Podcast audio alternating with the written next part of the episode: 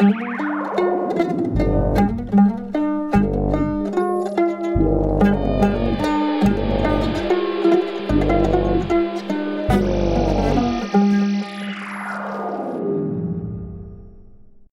Ez itt az Impacták 2015-ös első januári száma. Én az egyik állandó műsorvezető Varga Máté vagyok, és velem együtt van rezidens vendégműsorvezetőnk. Mádori Gergely. Gergő a decemberi Impactákban is közreműködött, és annyira bejött neki is, meg nekünk is ez a közreműködés, hogy most is visszajött, és egy igen vidám kis interjút hozott nekünk. Akkor a elhavi impaktáknak igazából ugye a szokásos szíven két interjúja lesz, az első, az egy eh, malakológussal. Egy malakológussal, ami ugye a puha testűek eh, tudománya, és hát ezen belül is Fehér Zoltán eh, rendszertannal foglalkozik, de az a kutatás, amiről részletesebben szó lesz, az inkább az evolúciót próbálja meg elkapni működése közben, balkáni orsócsigák vizsgálatával és mindeközben vidám dolgokat hallunk egy balkáni expedíció hétköznapjairól, hogy mi mindenre kell felkészülnie egy rendszertanácsnak. Így van. Így van. Jó, hát akkor halljuk. Mostani interjú alanyunk Fehér Zoltán, dr. Fehér Zoltán, malakológus. Mi az a malakológia? Malakológia puha testűekkel foglalkozó tudomány. Csigák, kagylók, lábas fejűek. És belőled hogyan lett malakológus? Úgy kezdődött, hogy amikor kicsi voltam és a szüleimmel mentünk Jugoszláviába nyaralni, odátkoztam, és gyűjtöttem a kagyló meg a csigahéjakat a parton, meg aztán buvárkodtam, és hazahoztam őket, határozgattam, dobozba raktam. Így kezdődött. Csak ezt mindenki megcsinálja, csak nálam aztán elfajult. Igen, és aztán uh, akkor a egyetem után kerültél. Sőt, még egyetemisták voltunk, amikor azon gondolkodtunk, hogy hogyan lehetne eljutni Albániába, és egy sörözéssel töltött estén közösen kitaláltuk azt a projektet, hogy hasonlítsuk össze a szennyezett görögországi partvidék puhatestűit a a nagyon tiszta albániai partvidék puhatestűjével beadtuk a pályázatot, és kaptunk ezer dollár visszatérítendő támogatást. Igazából semmire nem volt jó, de annyira belelkesedtünk, hogy végül elmentünk Albániába, és aztán nem is tengerieket gyűjtöttünk, hanem szárazföldieket. Szárazföld meg az Ohriditóban. Ja igen, meg az Ohriditóban vízieket, de igazából arról a legeslegelső útról az volt a legnagyobb húzás, amikor a Pogradecből Tiranába visszafele kellett menni, hogy még elérjük a nagykövetségnek a fogadó idejét, hogy az albánoknak, az albán barátainknak vízumot kaphassunk, és a busz háromszor kapott defektet, és az egyik ilyen defektes megállásnál, amikor letódultunk a buszról, és mindenki gyűjtögetett, na akkor egy tudományra új fajt fogtunk az volt az első ilyen komoly húzás. Az volt életed első új faja, de azt akkor rögtön tudtad, hogy ez egy új faj, nem, vagy ez hogyan történt? nem volt róla. Bevittem Pintér Lászlónak a múzeumba, aki nézegetett, nézegette, hümmögött, aztán utána nem mondott rá semmit. De volt több ilyen tétel azon az úton, de ettől aztán belelkesedtünk, és elkezdtük egyre komolyabban csinálni. És akkor azóta lett a te szakterületed a balkáni csigák? Igen. Szerencsés egybeesés, hogy már Pintér László a múzeumban, aki az elődön volt, ő is a Balkánra koncentrált. Uh-huh. Mert hogy akkor utána te oda kerültél? Tulajdonképpen én oda kerültem az, az ő helyére, és folytattam ezt a Balkán vonalat. És a Balkán, miért, miért jó a Balkán? Három dolog miatt jó a Balkán. Egyrészt, mert hogy a Balkán kutatásnak már eleve voltak hagyományai a múzeumban. A másik talán ezzel kellett volna kezdeni, hogy a Balkán a föld diverzitási forrópontjainak az egyike, tehát iszonyú nagy a fajdiverzitás, nagyon érdekes terület, és harmadrészt meg, hogy miután ez van legközelebb hozzánk, vagy az egyik, ami a legközelebb esik hozzánk, mint, mint uh, biodiverzitási forrópont, ezért viszonylag olcsóból meg tudjuk csinálni. Uh-huh. Tehát sokkal egyszerűbb, mint Borneóra járni mondjuk, vagy csiga szempontból kimondottan jó. Vízi csigából is, és, és sziklalakú szárazföldiből is. Uh-huh. Na, és akkor te lettél a csiga szakosztály a, Csiga a múzeumban? gyűjtemény. Csiga gyűjtemény, bocsánat. Tehát a csiga gyűjtemény a múzeumban. A Magyar Természettudományi Múzeumról beszélünk, Így van. amikor, amikor múzeumról van szó. Azt mindenféleképpen szerettem volna egyszer megkérdezni egy rendszertannal foglalkozótól, hogy az milyen érzés, hogy ezt a tudományt azért a biológián belül uh, inkább lenézés sem, mint, sem, mint uh, uh, megbecsüléssel szokták. Ez így van, ahogy dr. Huszár Tamás fogalmazott a saját tudományterületéről, hogy az az érzése, hogy ő a, ez az MB2, és az az intézet, ahol dolgozik, az még az MB2-ben is a kiesésen lejátszott. Hogy Valóban a supraindividuális biológia az a biológiának az MB2-je, és az belül a taxonómia az inkább az alsóház. De ez csak megbecsültség szempontjából viszont mi viszont tényleg örökkévalót alkotunk, mert egy ökológus cikket 10, amit 15 évvel ezelőtt írt, az ma már körbe. Egy molekuláris biológusnak az a cikk, amit most ír, az 15 év múlva komikus lesz és ö, körbe röhögik, viszont egy taxonómus, aki 100 évvel ezelőtt leírt egy fajt, az a faj az most is megvan. Ha valaki az örökké valóságnak szeretne alkotni, akkor menjen taxonómusnak. Vagy szobrásznak. Uh, merre felé jártál gyűjteni? Tehát, hogy mik, mik, mik voltak a... Hát a fő, fő fókusz az a Balkánon van, gyakorlatilag az összes balkáni országban, de leginkább Albánia szívünk csücske, miután ez a legfelderítetlenebb terület, tehát ott, ott sikerült a legtöbb újat találni, meg a legtöbb különlegességet. És akkor még a Balkánról persze a Kárpátok déli része, az, ami szintén nagyon érdekes terület, Erdély, a déli Kárpátok, meg egy kicsit Anatólia, Törökország, és akkor a Kaukázus iránya nagyjából ezek a területek, amikkel jártam. És uh, itt ezeknek a célja az, az hogy uh, találjunk olyan fajokat, ami még nincs, vagy ami még nekünk nincs, rakjuk fiolába, és vágjuk be a polcra. Hát, mint múzeológus, igen. Tehát a, egy múzeumnak eleve három feladata van. A laikusok leginkább azt a, a profilját ismerik a múzeumnak, hogy kiállítják az állatokat egy üveg mögé, és vagy mellé tesznek valami érdekes történetet, vagy nem, csak nézegetni lehet. De a közművelés az csak a múzeumnak csak az egyik profilja. A másik az a gyűjtés, a gyűjtemény gyarapítás, a gyűjtemény megőrzés, ahol a, amit kiállítunk az a jéghegy csúcsa, a többi cucc pedig bent van a szekrényekben, megcédulázva, meghatározva, vagy nem meghatározva, félig feldolgozva, ott vár és várja, hogy valamikor bármilyen tudományos munkát végezzen rajta a jövőbe valaki. És a harmadik profil meg a kutatás. És tulajdonképpen, amikor mi elindulunk egy gyűjtőútra, akkor részben a, a gyűjteménygyarapítás, részben a kutatás van, ami, ami a célunk. Tehát néha úgy megyünk, hogy menjünk el egy új területre, ami, ahol még nem járt előttünk senki, vagy kevesen jártak, ígéretes, nézzük meg mi él ott.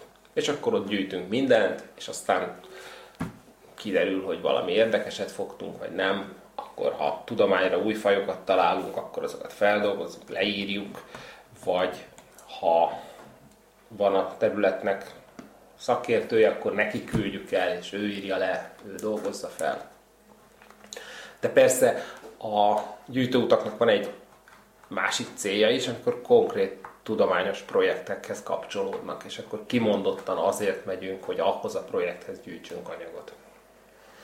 Ugye, és most ö, ö, egy fél éve már, vagy, vagy mennyi ideje? Körülbelül Körülbelül egy fél éve ö, Bécsben dolgozol. az ottani Természettudományi Múzeumban. Ez milyen projekt, vagy ennek mi a célja? Nos, ez a projekt a, egy eh, sziklalakó csiga, a Montenegrina genus vizsgálatával foglalkozik. A témavezető Elizabeth Haring és Helmut Sattmann. Az osztrák kutatási alap finanszírozza, és tulajdonképpen a Montenegrinát, mint ezt a sziklalakó fajt, egy modell állatként használja föl, hogy a jobban megismerjük a sziklalakó csigák fajképződési mechanizmusait. Tehát, hogy milyen folyamatok, milyen tényezők hatnak a fajképződés során. Aha, mert hogy ezekből sok faj van, vagy, vagy, vagy sok színűen, vagy... Ezeknek az az érdekessége, hogy mint ugye csigák, viszonylag kevéssé tudnak mozogni, és mint ciklalakó csigák, az élőhelyük foltszerű.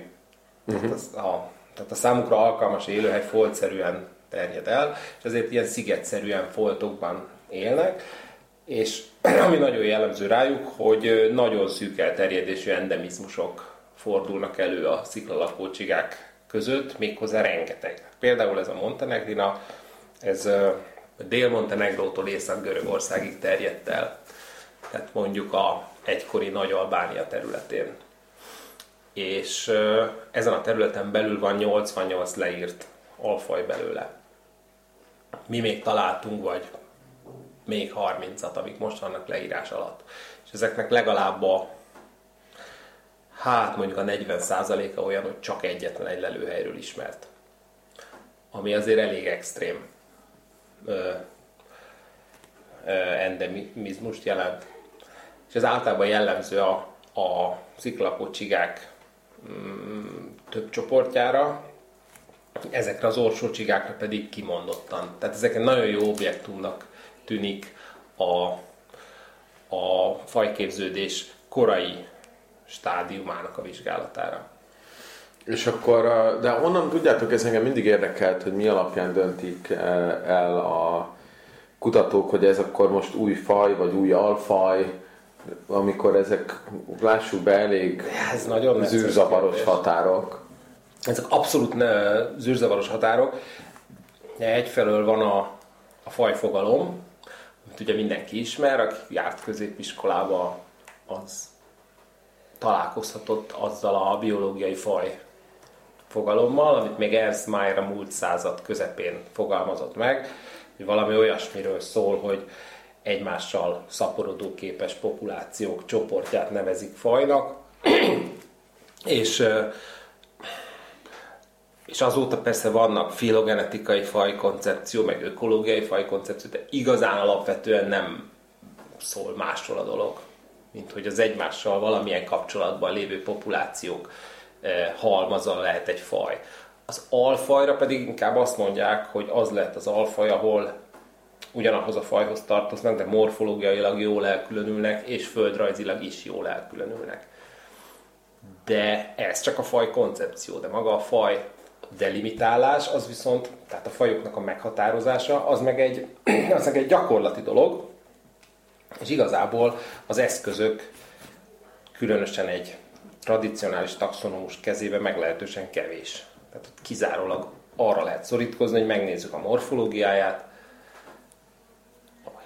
egy csigánál a héját, esetleg felboncoljuk, megnézzük az ivarszerveit, és akkor azt nézzük, hogy mennyire különbözik. De uh-huh. aztán, hogy ez most faj, vagy alfaj, azt nagyon nehéz megállapítani, és leginkább, leginkább azt szokták mondani, hogy amit egy kompetens taxonomus fajnak tart, az a faj. És persze hát aztán ebből marha sok vita is van, hogy ki mit gondol fajnak, meg mit csak alfajnak, vagy mit még annak se. Tehát lehet ezen szerencsére. Ezen lehet. Sokáig vitatkozni, és azért, de vannak újabb módszerek is, nem? Vagy azok... Hát amióta a DNS szekvenálás meglehetősen rutinszerű és olcsó lett, vagy amikor kezdett azzá válni, akkor mindenki úgy gondolta, hogy megtaláltuk a csodaszert arra, hogy ezekre a kérdésekre választ adjunk. És valóban a DNS vizsgálat egy, egy csomó olyan kérdésre fényderített, amit előtte nem lehetett tudni. Ugyanis a, a morfológia az bizonyos esetekben megtévesztő lehet, hiszen e, elképzelhető, hogy e, két állat azért hasonlít egymásra morfológiailag, mert a hasonló környezet miatt, vagy akár csak a véletlen miatt hasonló bélyegek rendelkeznek, de hogy ez valódi rokonságot jelente vagy sem, az mindig nagy vita tárgya volt. Viszont a DNS vizsgálattal úgy gondoltuk, hogy a DNS az a valódi rokonsági fokokat fogja majd megmutatni nekünk. És számos esetben tényleg így volt, ugyanakkor viszont egy csomó olyan új problémát vetettek fel ezek a molekuláris vizsgálatok, amikre előtte nem is számítottunk volna. Úgyhogy nem csodaszer, de nagyon hasznos eszköz. Például milyen problémákat, vagy hogy... Miket oldott meg? Miket oldott meg, és miket vetett fel? Tehát, hogy... Na hát például, a, a, hogy mit, mit sikerült vele megoldani. Volt egy ö, nemrég lezárult kutatásunk.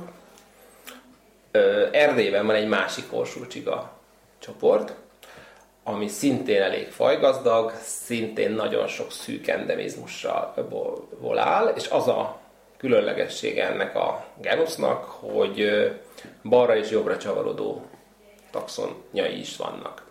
Még hozzá vannak olyanok is, amik egymásnak a tükörképi párjai. Tehát, hogy pontosan ugyanúgy néznek ki, helyra is, anatómiára is, csak az egyik balra tekeredik, a másik jobbra. Ez általában szokatlan a csigákon belül, mert hogy a csigákon belül a csavarodás irány az elég konzervatív.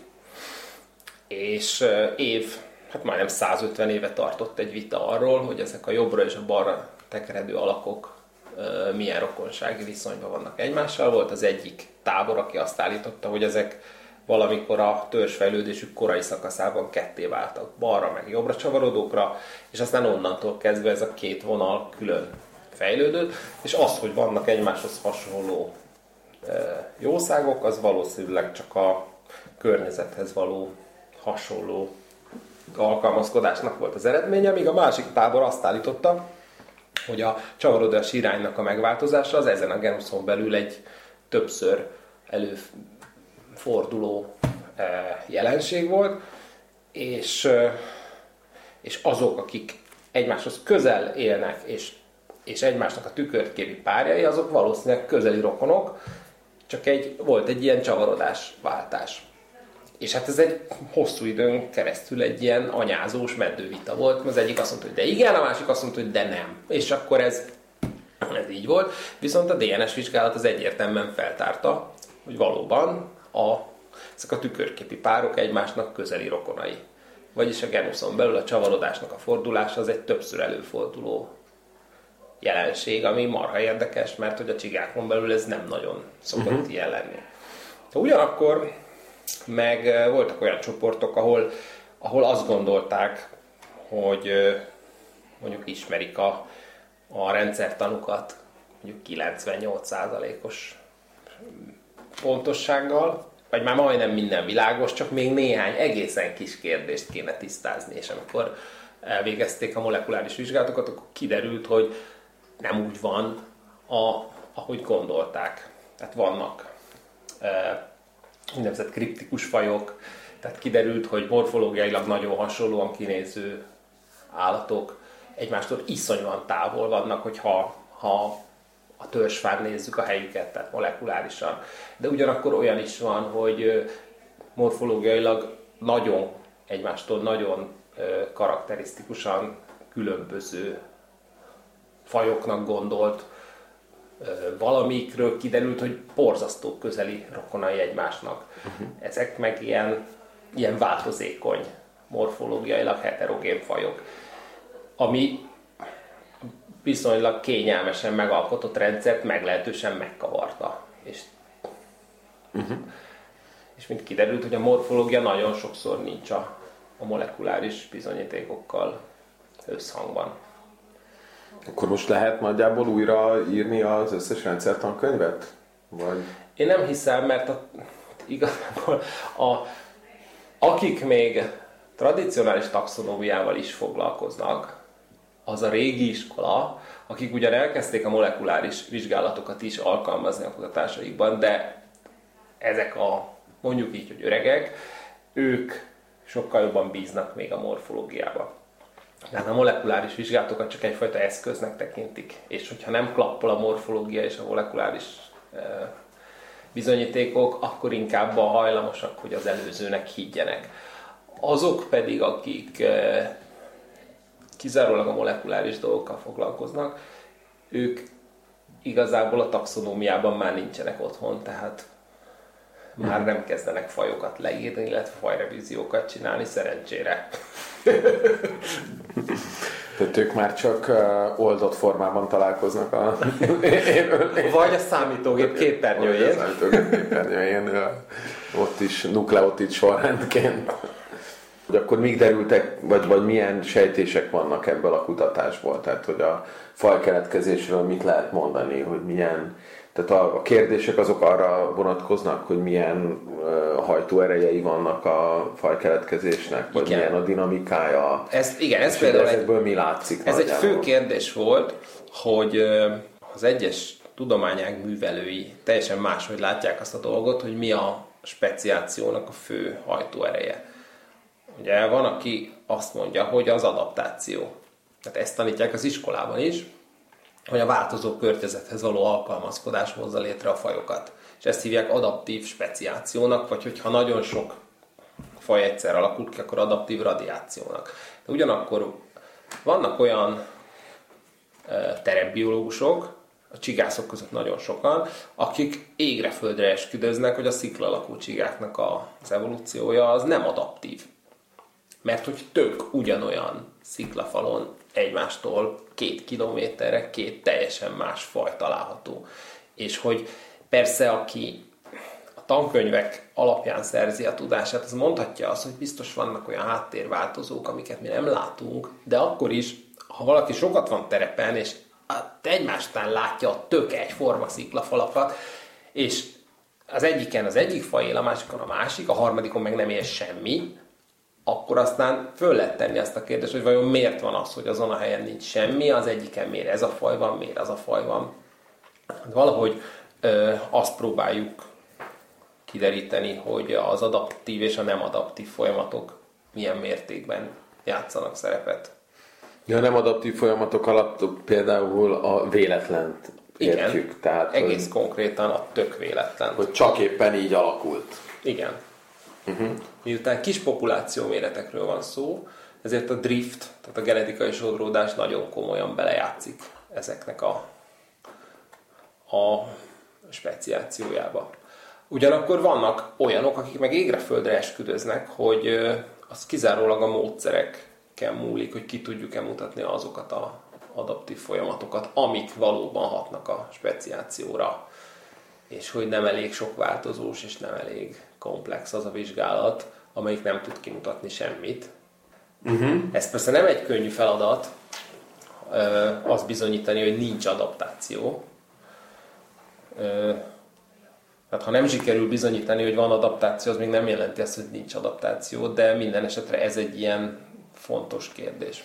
Jó, tehát akkor ez, a, ez az egyik, hogy, és a másik pedig, hogy a, a mechanizmusainál pedig ez, hogy akkor a driftnek mekkora kis populáció méretnek, vannak-e egyáltalán szelekciós nyomások, ilyeneket próbáltok? Hát valójában igen. Aztán a, ami fontos dolog, hogy ez lenne az első olyan sziklalakó csiga, genusz, amelyik teljesen széles körűen le lett gyűjtve. Tehát eddig mindig csak mintákat vettek, mindig pár faj, pár populációját vizsgálták. Most viszont nekünk a, gyakorlatilag az összes ismert populáció meg lesz egy genuszból. Tehát így ö, képet fogunk arról kapni, hogy, hogy ö, a, tehát a biogeográfiai története egy ilyen genusznak hogy alakul.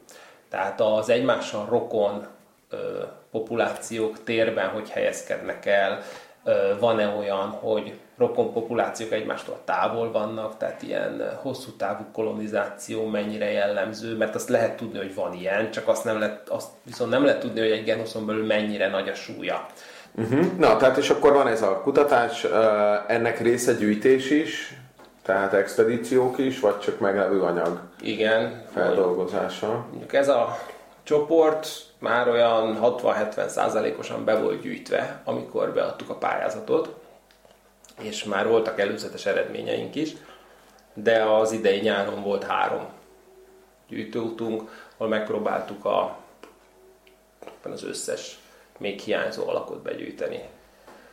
És hol megy, ültök a térkép fölött, itt van egy uh, sziklafal, biztos új endemikus alfaj lesz rajta? Vagy? Ezt már nem, ezen túl vagyunk, ugyanis Albániát, hát most már vagy 20 valahány éve kutatjuk, és volt egy olyan időszak, körülbelül 10 évvel ezelőtt, mikor a Természettudományi Múzeumnak lett egy jeepje, aztán amikor a Google Earth-ön egyre jobb felbontású képek kezdtek lenni a balkáni országokról, olyan felbontású, ahol már az utak is látszottak, plusz kerítettünk egy nagyon jó felbontású uh, geológiai térképet arról a területről, és akkor egész egyszerűen csak megnéztük, hogy hol van mészkő, hol vannak utak, és oda mentünk.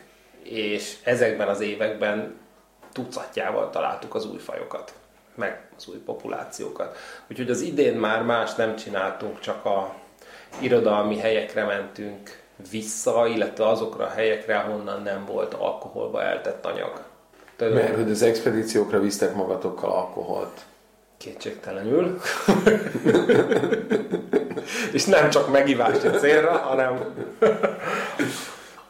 a tartósítási célra is.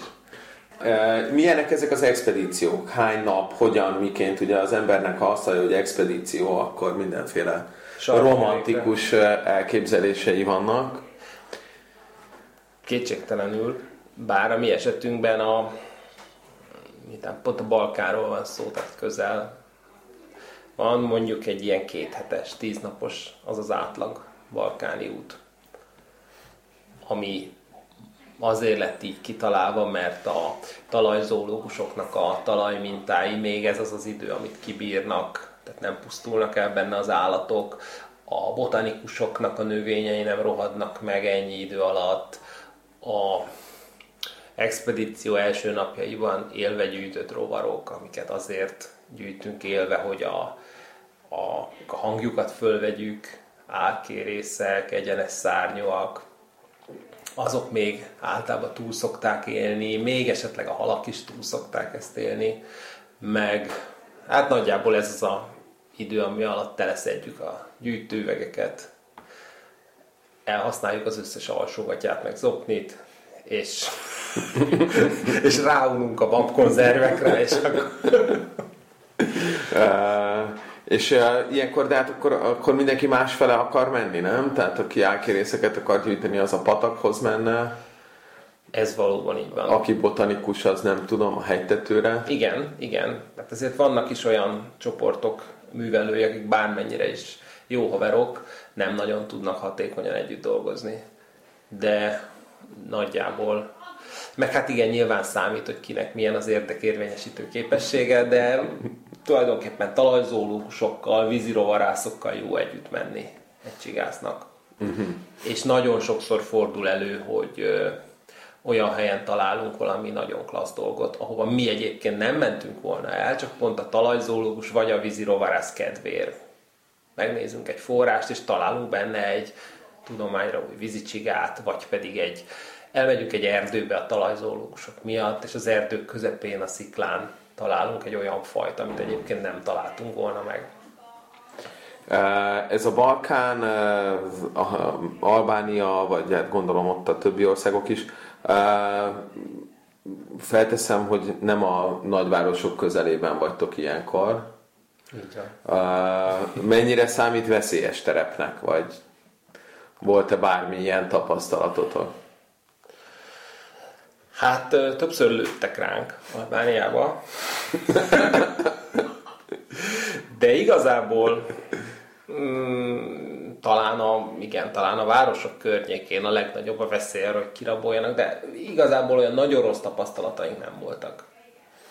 A helyiek mit szólnak hozzá, hogyha azt látják, hogy valaki itt hálókkal, üvegekkel a helyeket iszonyatosan nem értek ki ez a dolog amikor elmondjuk nekik, hogy rovarokat vagy csigákat gyűjtünk, rögtön az első kérdés, hogy megevésre, de egyébként szoktak segíteni is, és nem, nem volt rossz tapasztalatunk. A hatóságokkal se nagyon szokott lenni. kivéve Horvátországot, meg Törökországot, ahol komolyan veszik azt, hogy nem lehet gyűjteni. Jó, uh, mi volt a legnagyobb kaland expedíció alatt, amire emlékszel? Tehát, hogy ami mindenféleképpen majd a visszaemlékezéseidbe bekerüljön. Hát nem is tudom. Jó, azt hiszem, hogy a 2006-os útnak volt egy ilyen elég szürreális része, amikor föl akartunk menni a Tomor tetejére. És akkor már negyedszer próbálkoztunk, minden, minden lehetséges oldalról megpróbáltuk megközelíteni.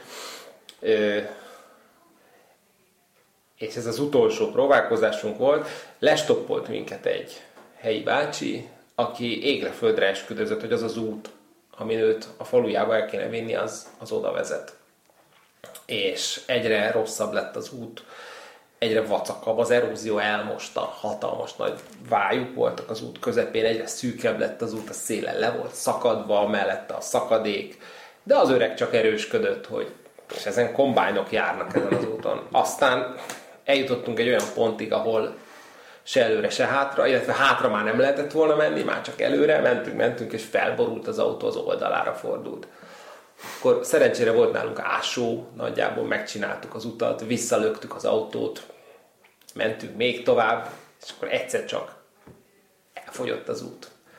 Az autót ott hagytuk, fölmásztunk a hegyre, ott voltunk két napot, visszajöttünk, és utána tolatni kellett aztán megfordultunk, akkor többször meg kellett csinálni az utat, ami éppen úgy majdnem le volt szakadva, hogy elférjünk, és amikor leértünk a hegyről, és végre kifújtuk magunkat, át akartunk menni egy folyón, és nem vettük észre, hogy a, ami kavicsos ágynak nézett ki, egy hatalmas, nagy iszapos valami volt a közepén, és akkor be, beragadt az autó. És ott állt a folyó kellős közepén, a jeep, alatta folyt a folyó, és ott ültünk benne, és után néztünk egymásra.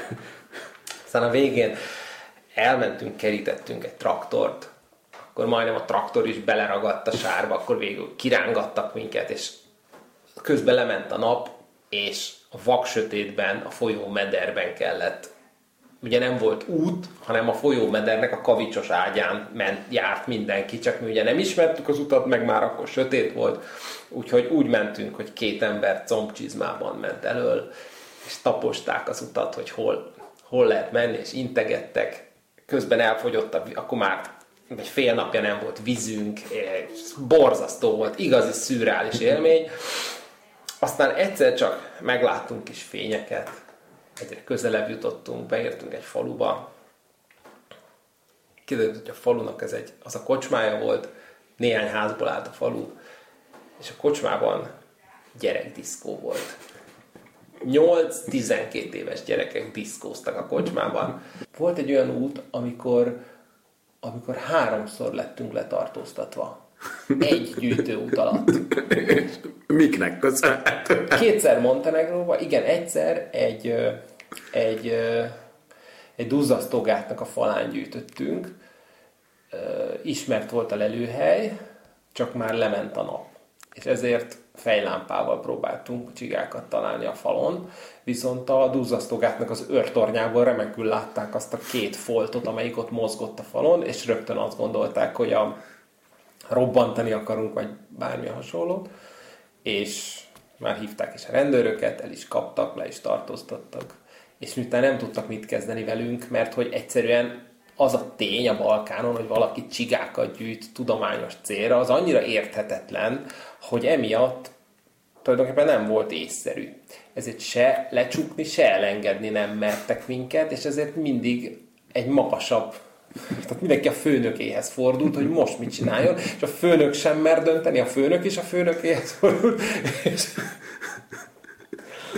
Jó, ez volt az első, ez másodszor? Az első. Másodszor azért kaptak el minket, mert egy olyan autóval voltunk, ami ehhez hasonlót köröztek, és nagyon lelkesek voltak a bosnyák rendőrök, mert hogy két héttel korábban elkaptak egy lopott autót, egy lopott magyar autót, és valami nagyon szép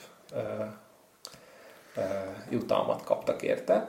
És innentől kezdve azt gondolták, hogy próba szerencse megállítanak minden autót, hát ha az is lopott. Harmadik alkalommal meg sajnos nem álltunk meg a rendőrnek, amikor le akart minket inteni. Aztán utána később viszont megálltunk egy forrásnál inni, és a rendőr futva utolért minden. És abból megint lecsukás lett? Abból lecsukás lett, bevitt minket az őrsre, viszont az őrsön az őrsparancsnok az asztalára borulva aludt éppen, és amikor ez az ember berontott velünk az irodájába, ő akkor ébredt föl, és ezért nagyon dühös lett erre a rendőrre, aki fölébresztett. Úgyhogy végül is ki tudtuk magunkat dumálni. Hogyan kommunikáltok ilyenkor ilyekkel? Tehát, hogy gondolom albánul nem nagyon tudtad. De a legfontosabb szavak már ránk ragadtak. De eleve már a, a, a fő disznószavakat, azokat már a legelső albán úton megtanították nekünk az albán barátaink, aztán utána a, a túléléshez szükséges körülbelül száz szavas szókincs az nagyjából megvan. Tehát kellene egy traktor kihúzni a jeepet? Igen, vagy, vagy az, hogy meddig lehet ezen az úton elmenni egy. Egy ilyen autóval, ezt... ezt remekül tudjátok már. Na, jó, köszönöm szépen. Ez volt tehát az első interjúnk. A második az egy nagyon más terület lesz, regenerációkutatás, de megtaláltuk azért a közös pontot. Még Igen, mindig. csigák ebben is vannak. Csigák legalábbis említés szintén előjönnek, ugyanis eh, mint ahogy ez majd a következő interjú alanyunkkal való beszélgetésben, aki Simon András lesz a Karolinska Intézetnek a regeneráció kutatója, el fog hangzani, hogy a regenerációkutatás hajnalán bizonyos Spallanzani nevű úriember e, egyebek mellett csigákkal is végzett regenerációs kísérleteket, amik annyira jól sikerültek, hogy később e, a francia nép jelentős része megpróbálta megismételni. És ezért a tengerpartok tele voltak szétszabdalt csigákkal. Így van. Na, hát akkor halljuk ezt az interjúnkat is. Az Impakták januári vendége Simon András, aki a Karolinska Intézetben regenerációval foglalkozik. Üdvözlünk az Impaktákban, András! Köszönöm szépen!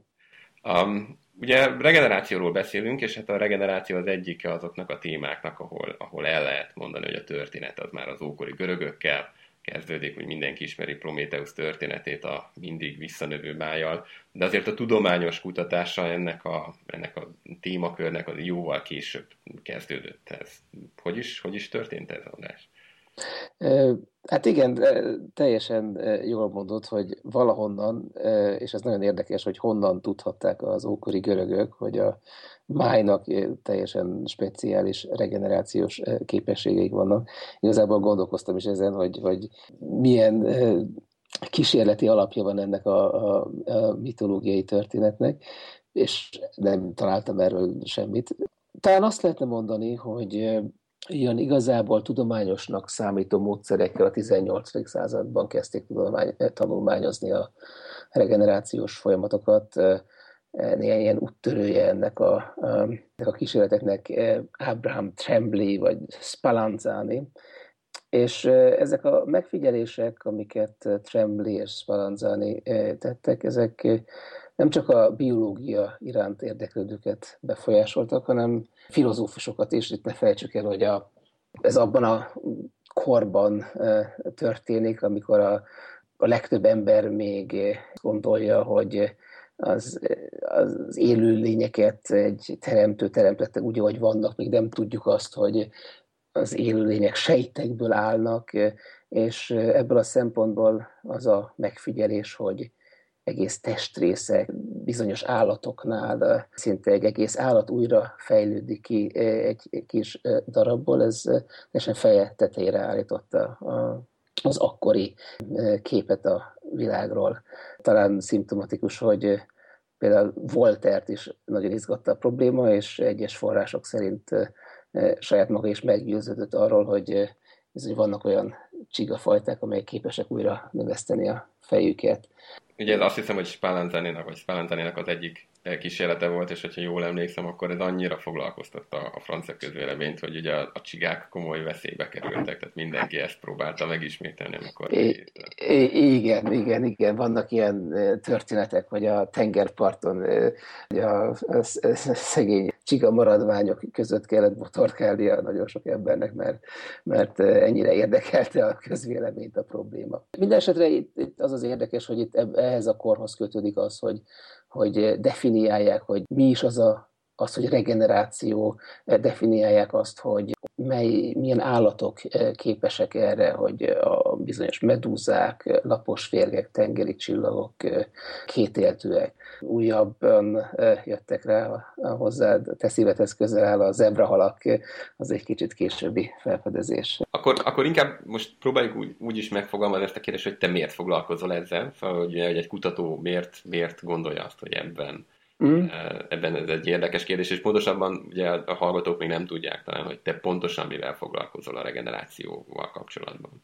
Tehát én két értőek regenerációval, regenerációjával foglalkozom, hogy miért is, hát Szeretném talán azt mondani, hogy ez egy nagyon tudatos döntés volt, de hogy általában ez szokott lenni, ez egyáltalán nem igaz. Talán visszakanyarodnék egy pillanatra még a történelemhez, hogy a 20. század elején kapott egy újabb lökést a regenerációs kutatás, ahol nem, annyira, nem olyan sokan tudják, de Thomas Morgan volt az egyik prominens alakja a regenerációs kutatásoknak. Ugye róla eh, azt annyit kell tudni, hogy végül is a genetikának is az egyik atya lett, és a drozofila vagy ilyen necetmuslixa kutatások azok mindmáig ilyen alap, megalapozzák azt, amit ugye ma a genetikáról tudunk. Igen, tehát ezért kapta a Nobel-díját a, a drozofila, az ecetuslica genetikára, mert e, ugyan előtte a regenerációval foglalkozott, de aztán bedobta a törőközét, és azt mondta, hogy ez egy nagyon érdekes probléma, de soha az életben nem fogjuk tudni megérteni. És hát lehet, hogy igaza volt, mert a Nobel-díjat ezt ugye más témáért kapta.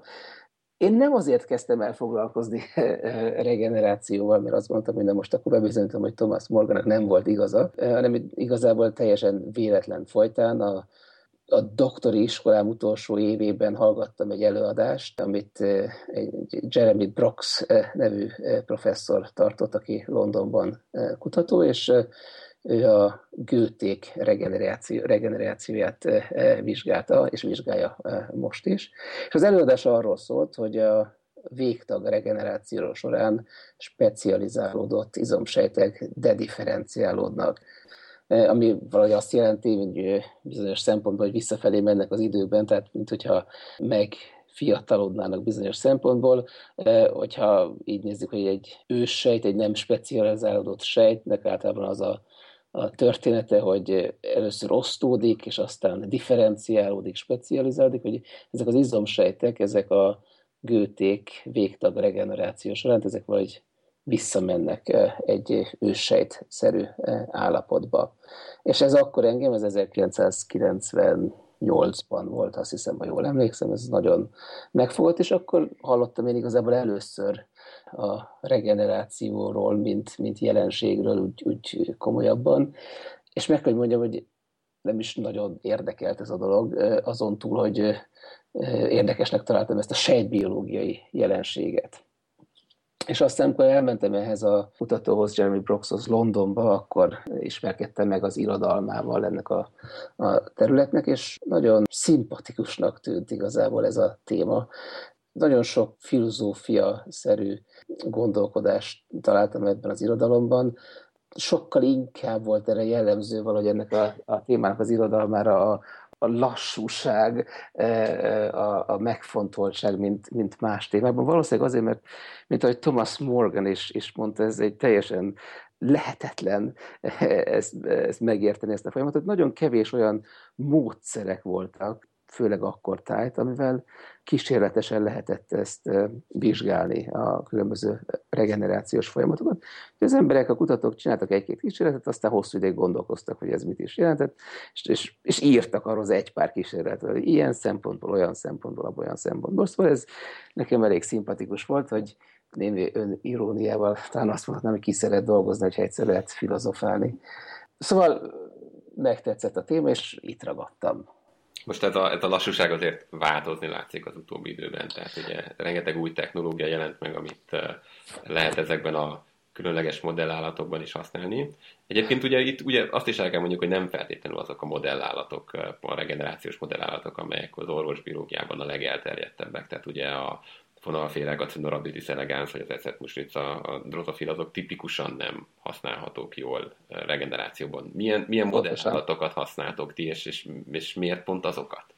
Igen, tehát pontosan, ahogy mondod, ezek a, a modellállatok nem a Big Five-hoz tartoznak, ezek között említetted az egereket, a fonalférgeket, az ecetmuslicákat, hanem pontosan a nem gyakori modell organizmusok ezek, és, és hát igazából a, azért foglalkoznak vele kutatók, és mi is, mert van ez a különleges képességük, és ilyen állatok például a medúzák, bizonyos lapos férgek, farkas kétéltőek, szalamandrák, amikkel, amikkel mi foglalkozunk.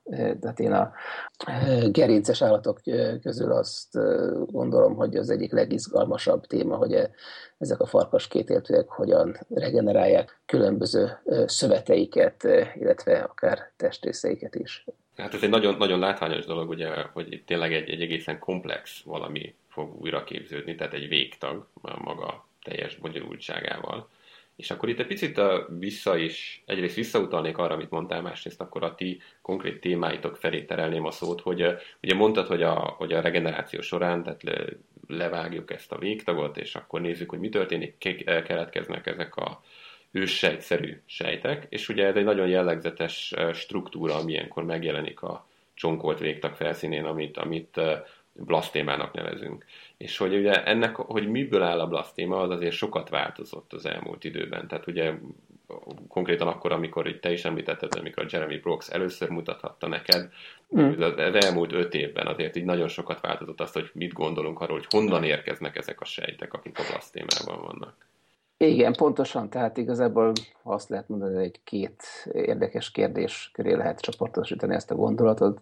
Az egyik az az, hogy mi az eredete a blasztéma sejteknek, a másik az az, hogy ezek a blasztéma sejtek, amik ezt a homogénnek tűnő blasztéma szövetet alkotják, ezek ekvivalens, egymással ekvivalens sejtek, tehát mindegyik például egy multipotens sejt, tehát mindegyik blasztéma sejt ki tud fejlődni különböző sejtekké, például izommá, porcá vagy bőrsejté, vagy pedig ez egy olyan halmaza a sejteknek, amik igazából ezek a sejtek különbözőek, és lehet, hogy nem multipotensek, hanem pont, hogy csak egyfajta sejttípussá változnak át a regeneráció során.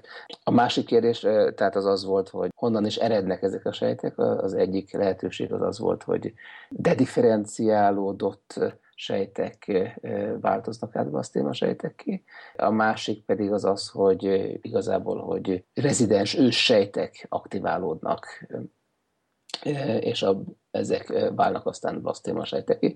És igazából ha azt mondjuk, hogy volt 12 évvel ezelőtt, akkor, akkor azt mondhatnánk, vagy akár még ilyen 6-7 évvel ezelőtt is, hogy, hogy ez az utóbbi modell volt érvényben, tehát az, hogy plasztéma sejtek azok ekvivalensek, és, és mindegyik multipotens, illetve, hogy az eredetük az a dedifferenciálódás, és mind a kettő dolog megkérdőjeleződött, és lehet látni, hogy például Axolotolban, ami egy fajta szalamandra, ott a blasztéma sejtek azok legalábbis a legnagyobb részük nem multipotens, és ami nagyon érdekes, hogy nem dedifferenciálódással ból származnak, hanem ősejtek aktiválásából. Viszont meg kell jegyezni, hogy például a gültéknél, amik közeli rokonai ezeknek az állatoknak, itt nem így van, és sejtek, például izomsejtek dedifferenciálódnak és átváltoznak blasztéma sejtekké, illetve azt is lehet látni, hogy bizonyos sejtek multipotensek, tehát nem csak egyfajta szövetté alakulnak. És ez egy nagyon érdekes dolog, talán erről később beszélhetünk, amikor a, az evolúciós perspektíváról ejthetünk néhány szót, de hogy, hogy hogy lehet az, hogy van két viszonylag egymáshoz, egymáshoz viszonylag közel álló állatfajta, és mégis különböző módon regenerálják a végtagjaikat, bár a különböző módot azt, azt sokféleképpen lehet nézni, az azért közös bennük, hogy mind a kettőnél ez a blasztéma nevű szövet képződik, és hogyha ez nem képződik, akkor nincs regeneráció. Tehát a blasztéma egy teljesen központi eleme a regenerációs, legalábbis a végtagok regenerációs folyamatának. Oké, okay, hát szerintem csapjunk is bele akkor ebbe az evolúciós kérdésbe. Tehát ugye a kérdés, ami szemszögünkből adott, hogy miért ennyivel rosszabb bennünk a regeneráció, hogyha ugye a farkas kétéltőek itt jeleskednek, de ugye hát ugye a faj szintű különbségek azért a kétéltőeken belül is előjönnek, tehát ugye te hangsúlyoztad, hogy farkos kétéltőekről van szó, de például ugye egy béka esetében már teljesen más lenne a helyzet, egy, béka, egy felnőtt béka regenerációja az gyakorlatilag egy nem létező folyamat. Tehát az alig jobb, mint az emberé. Tehát mi, mi lehet az oka annak, hogy egyes fajok jobbak ebben, mások fajok? Igen. Az emlősök meg úgy általában különösen úgy tűnik, hogy nem jeleskednek. Kétféleképpen lehet ezt nézni. Az egyik az az, hogy azok az állatok, amik képesek ilyen fajta regeneráció, mint például a farkas kétéltőek, vagy a zebra alak, vagy a, a lapos férgek, ezek kifejlesztették magukban bizonyos evolúciós nyomás hatására ezt a képességet. A másik modell az az, hogy a regenerációs képesség az igazából semmilyen evolúciós, szelekciós nyomás alatt nem áll, hanem ez valamilyen ősi jelenség, ami bizonyos állatokban megmaradt, más állatokban viszont eltűnt eddig ismeretlen okokból, vagy azért, mert nem kompatibilis más funkciókkal, amik kifejlődtek. Szerinted melyik? Vagy, vagy le, hát, ha azt mondanám, hogy, hogy egyelőre nem lehet eldönteni. Két tábor van, ahogy ez szokott lenni a kutatók között. Az egyik az az evolúciós, szelekciós nyomást propagálja, a másik ellenkezőleg azt mondja, hogy ez egy ősi úgynevezett epifenomén, ami semmilyen szelekciós nyomás alatt nem áll, és az eredetét az az ivartalan szaporodáshoz kötik. Én jó svéd módjára a kettő között próbálom magamat elhelyezni, és valahogy úgy képzelem, hogy, hogy egyfajta sejti, szöveti flexibilitás lehet egy ilyen ősi tulajdonság, ami hogyha elvész, akkor teljesen lehetetlen a regeneráció. De ennek a megléte nem elégséges, kellnek bizonyos szelekciós nyomások, hogy ez a regenerációs képesség manifestálódjon, illetve hogy a, a különböző szelekciós nyomások azt eredményezhetik, eredményezhetik, hogy a regenerációs képesség máshogy manifestálódik, manifestálódik rendszertelen meg egymáshoz közel álló állatokban, mint például két egymáshoz viszonylag közel álló farkas két éltűben.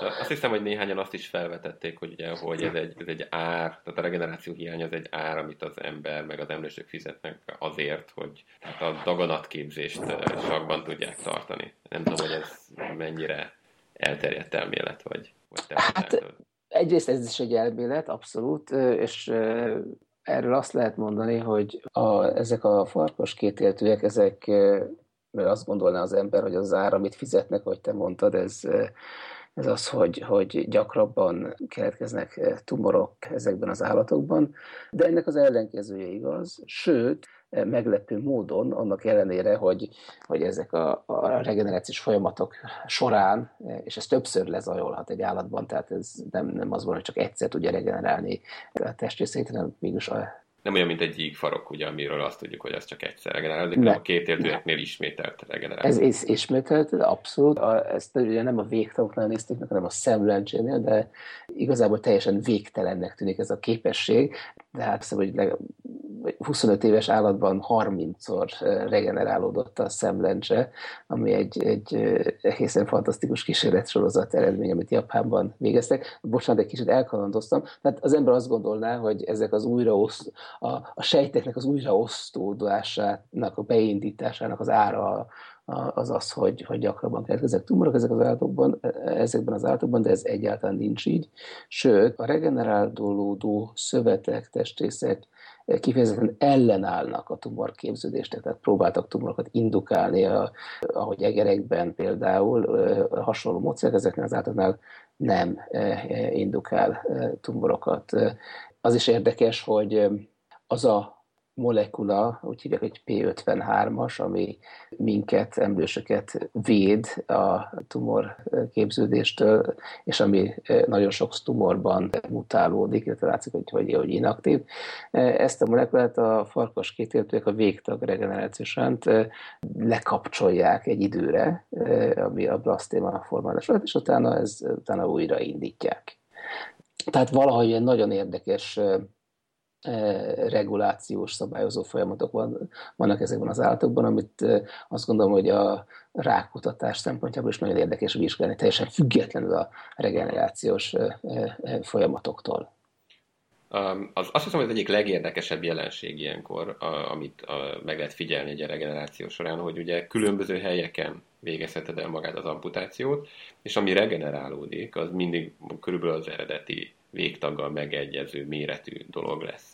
Um, honnan, tudja, honnan tudja egy ilyen csonkolt végtag, hogy pontosan mit és hmm. mennyit kell visszanöveszteni? Igen. Hát ezért mondják azt, hogy a blasztéma egy teljesen központi szerepet játszik, mert a blasztémának saját magának van egy ilyen identitása, egy ilyen pozicionális eh, identitása, és ezt eh, transplantációs kísérletekkel bizonyították, hogyha egy blasztémát eh, például egy csuklóról átültettek más helyre, például egy, egy könyök blasztéma helyre, akkor azok a blasztéma sejtek, azok csak a csuklótól lefelé lévő részek sejtjeit adták, tehát valahogy emlékeztek ezek a sejtek, hogy honnan jöttek.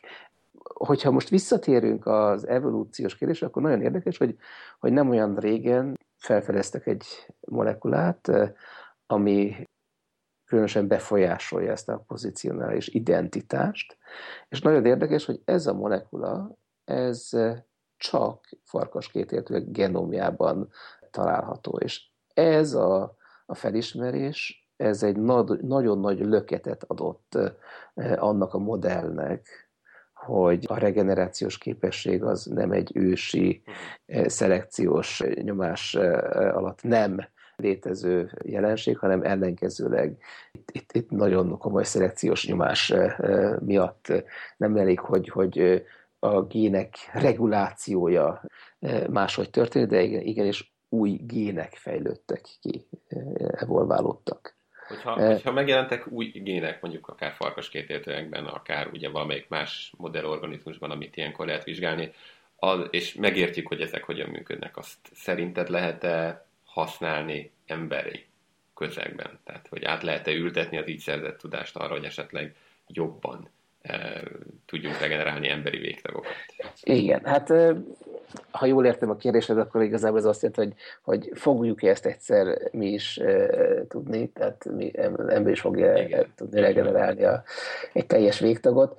Azt gondolom, hogy, hogy fontos ezeket az állatokat tanulmányozni, más állatokat is, amik képesek ilyen regenerációra, nem feltétlenül csak azért, hogy, hogy megértsük, hogy hogyan tudnánk egyszer egy teljes végtagot regenerálni, hanem hogy javítsunk azon, ahogy, ami történik a mi végtagjainkkal, hogyha sérülés éri őket. Például, hogy, hogy megérthetjük, hogy hogyan tudnának a sebeink kevésbé hegesedni, és valamennyiben javítsuk azt, hogy, hogy mi történik velünk egy sérülés után. És ahogy mondtam, azt gondolom, hogy azért is fontos ezeket az állatokat tanulmányozni, mert nagyon különleges módon szabályozzák, hogy mi történik a sejtekkel. Tehát itt visszautalok arra, hogy, hogy nem fejlődnek tumorok ezekben az állatokban, úgy, ahogy emlősökben, illetve hogy más szöveteket is képesek regenerálni. Szívizomot, sejteket, idegsejteket az agyban, és, és azt gondolom, hogy talán a bizonyos degenerációs betegségeknél elég sokat tanulhatunk meg ezekből az állatokból, hogy hogyan képződnek például új idegsejtek, vagy új szívizomsejtek. Mi szívizomsejtek regenerációval nem annyira foglalkozunk, de például idegsejtek regenerációt azt, azt már régóta vizsgáljuk. Hát akkor nagyon szépen köszönjük, hogy velünk voltál és megosztottad a, mindazt, amit, amit itt hallottunk. Na hát nagyon szíves, és nagyon köszönöm a meghívást. Ez volt tehát akkor a második interjúnk. Köszönjük, hogy velünk voltatok. Ez itt a januári impakták. Köszönettel tartozunk Tövis Házi Ambrusnak a podcast zenéjéért. Sziasztok! Sziasztok!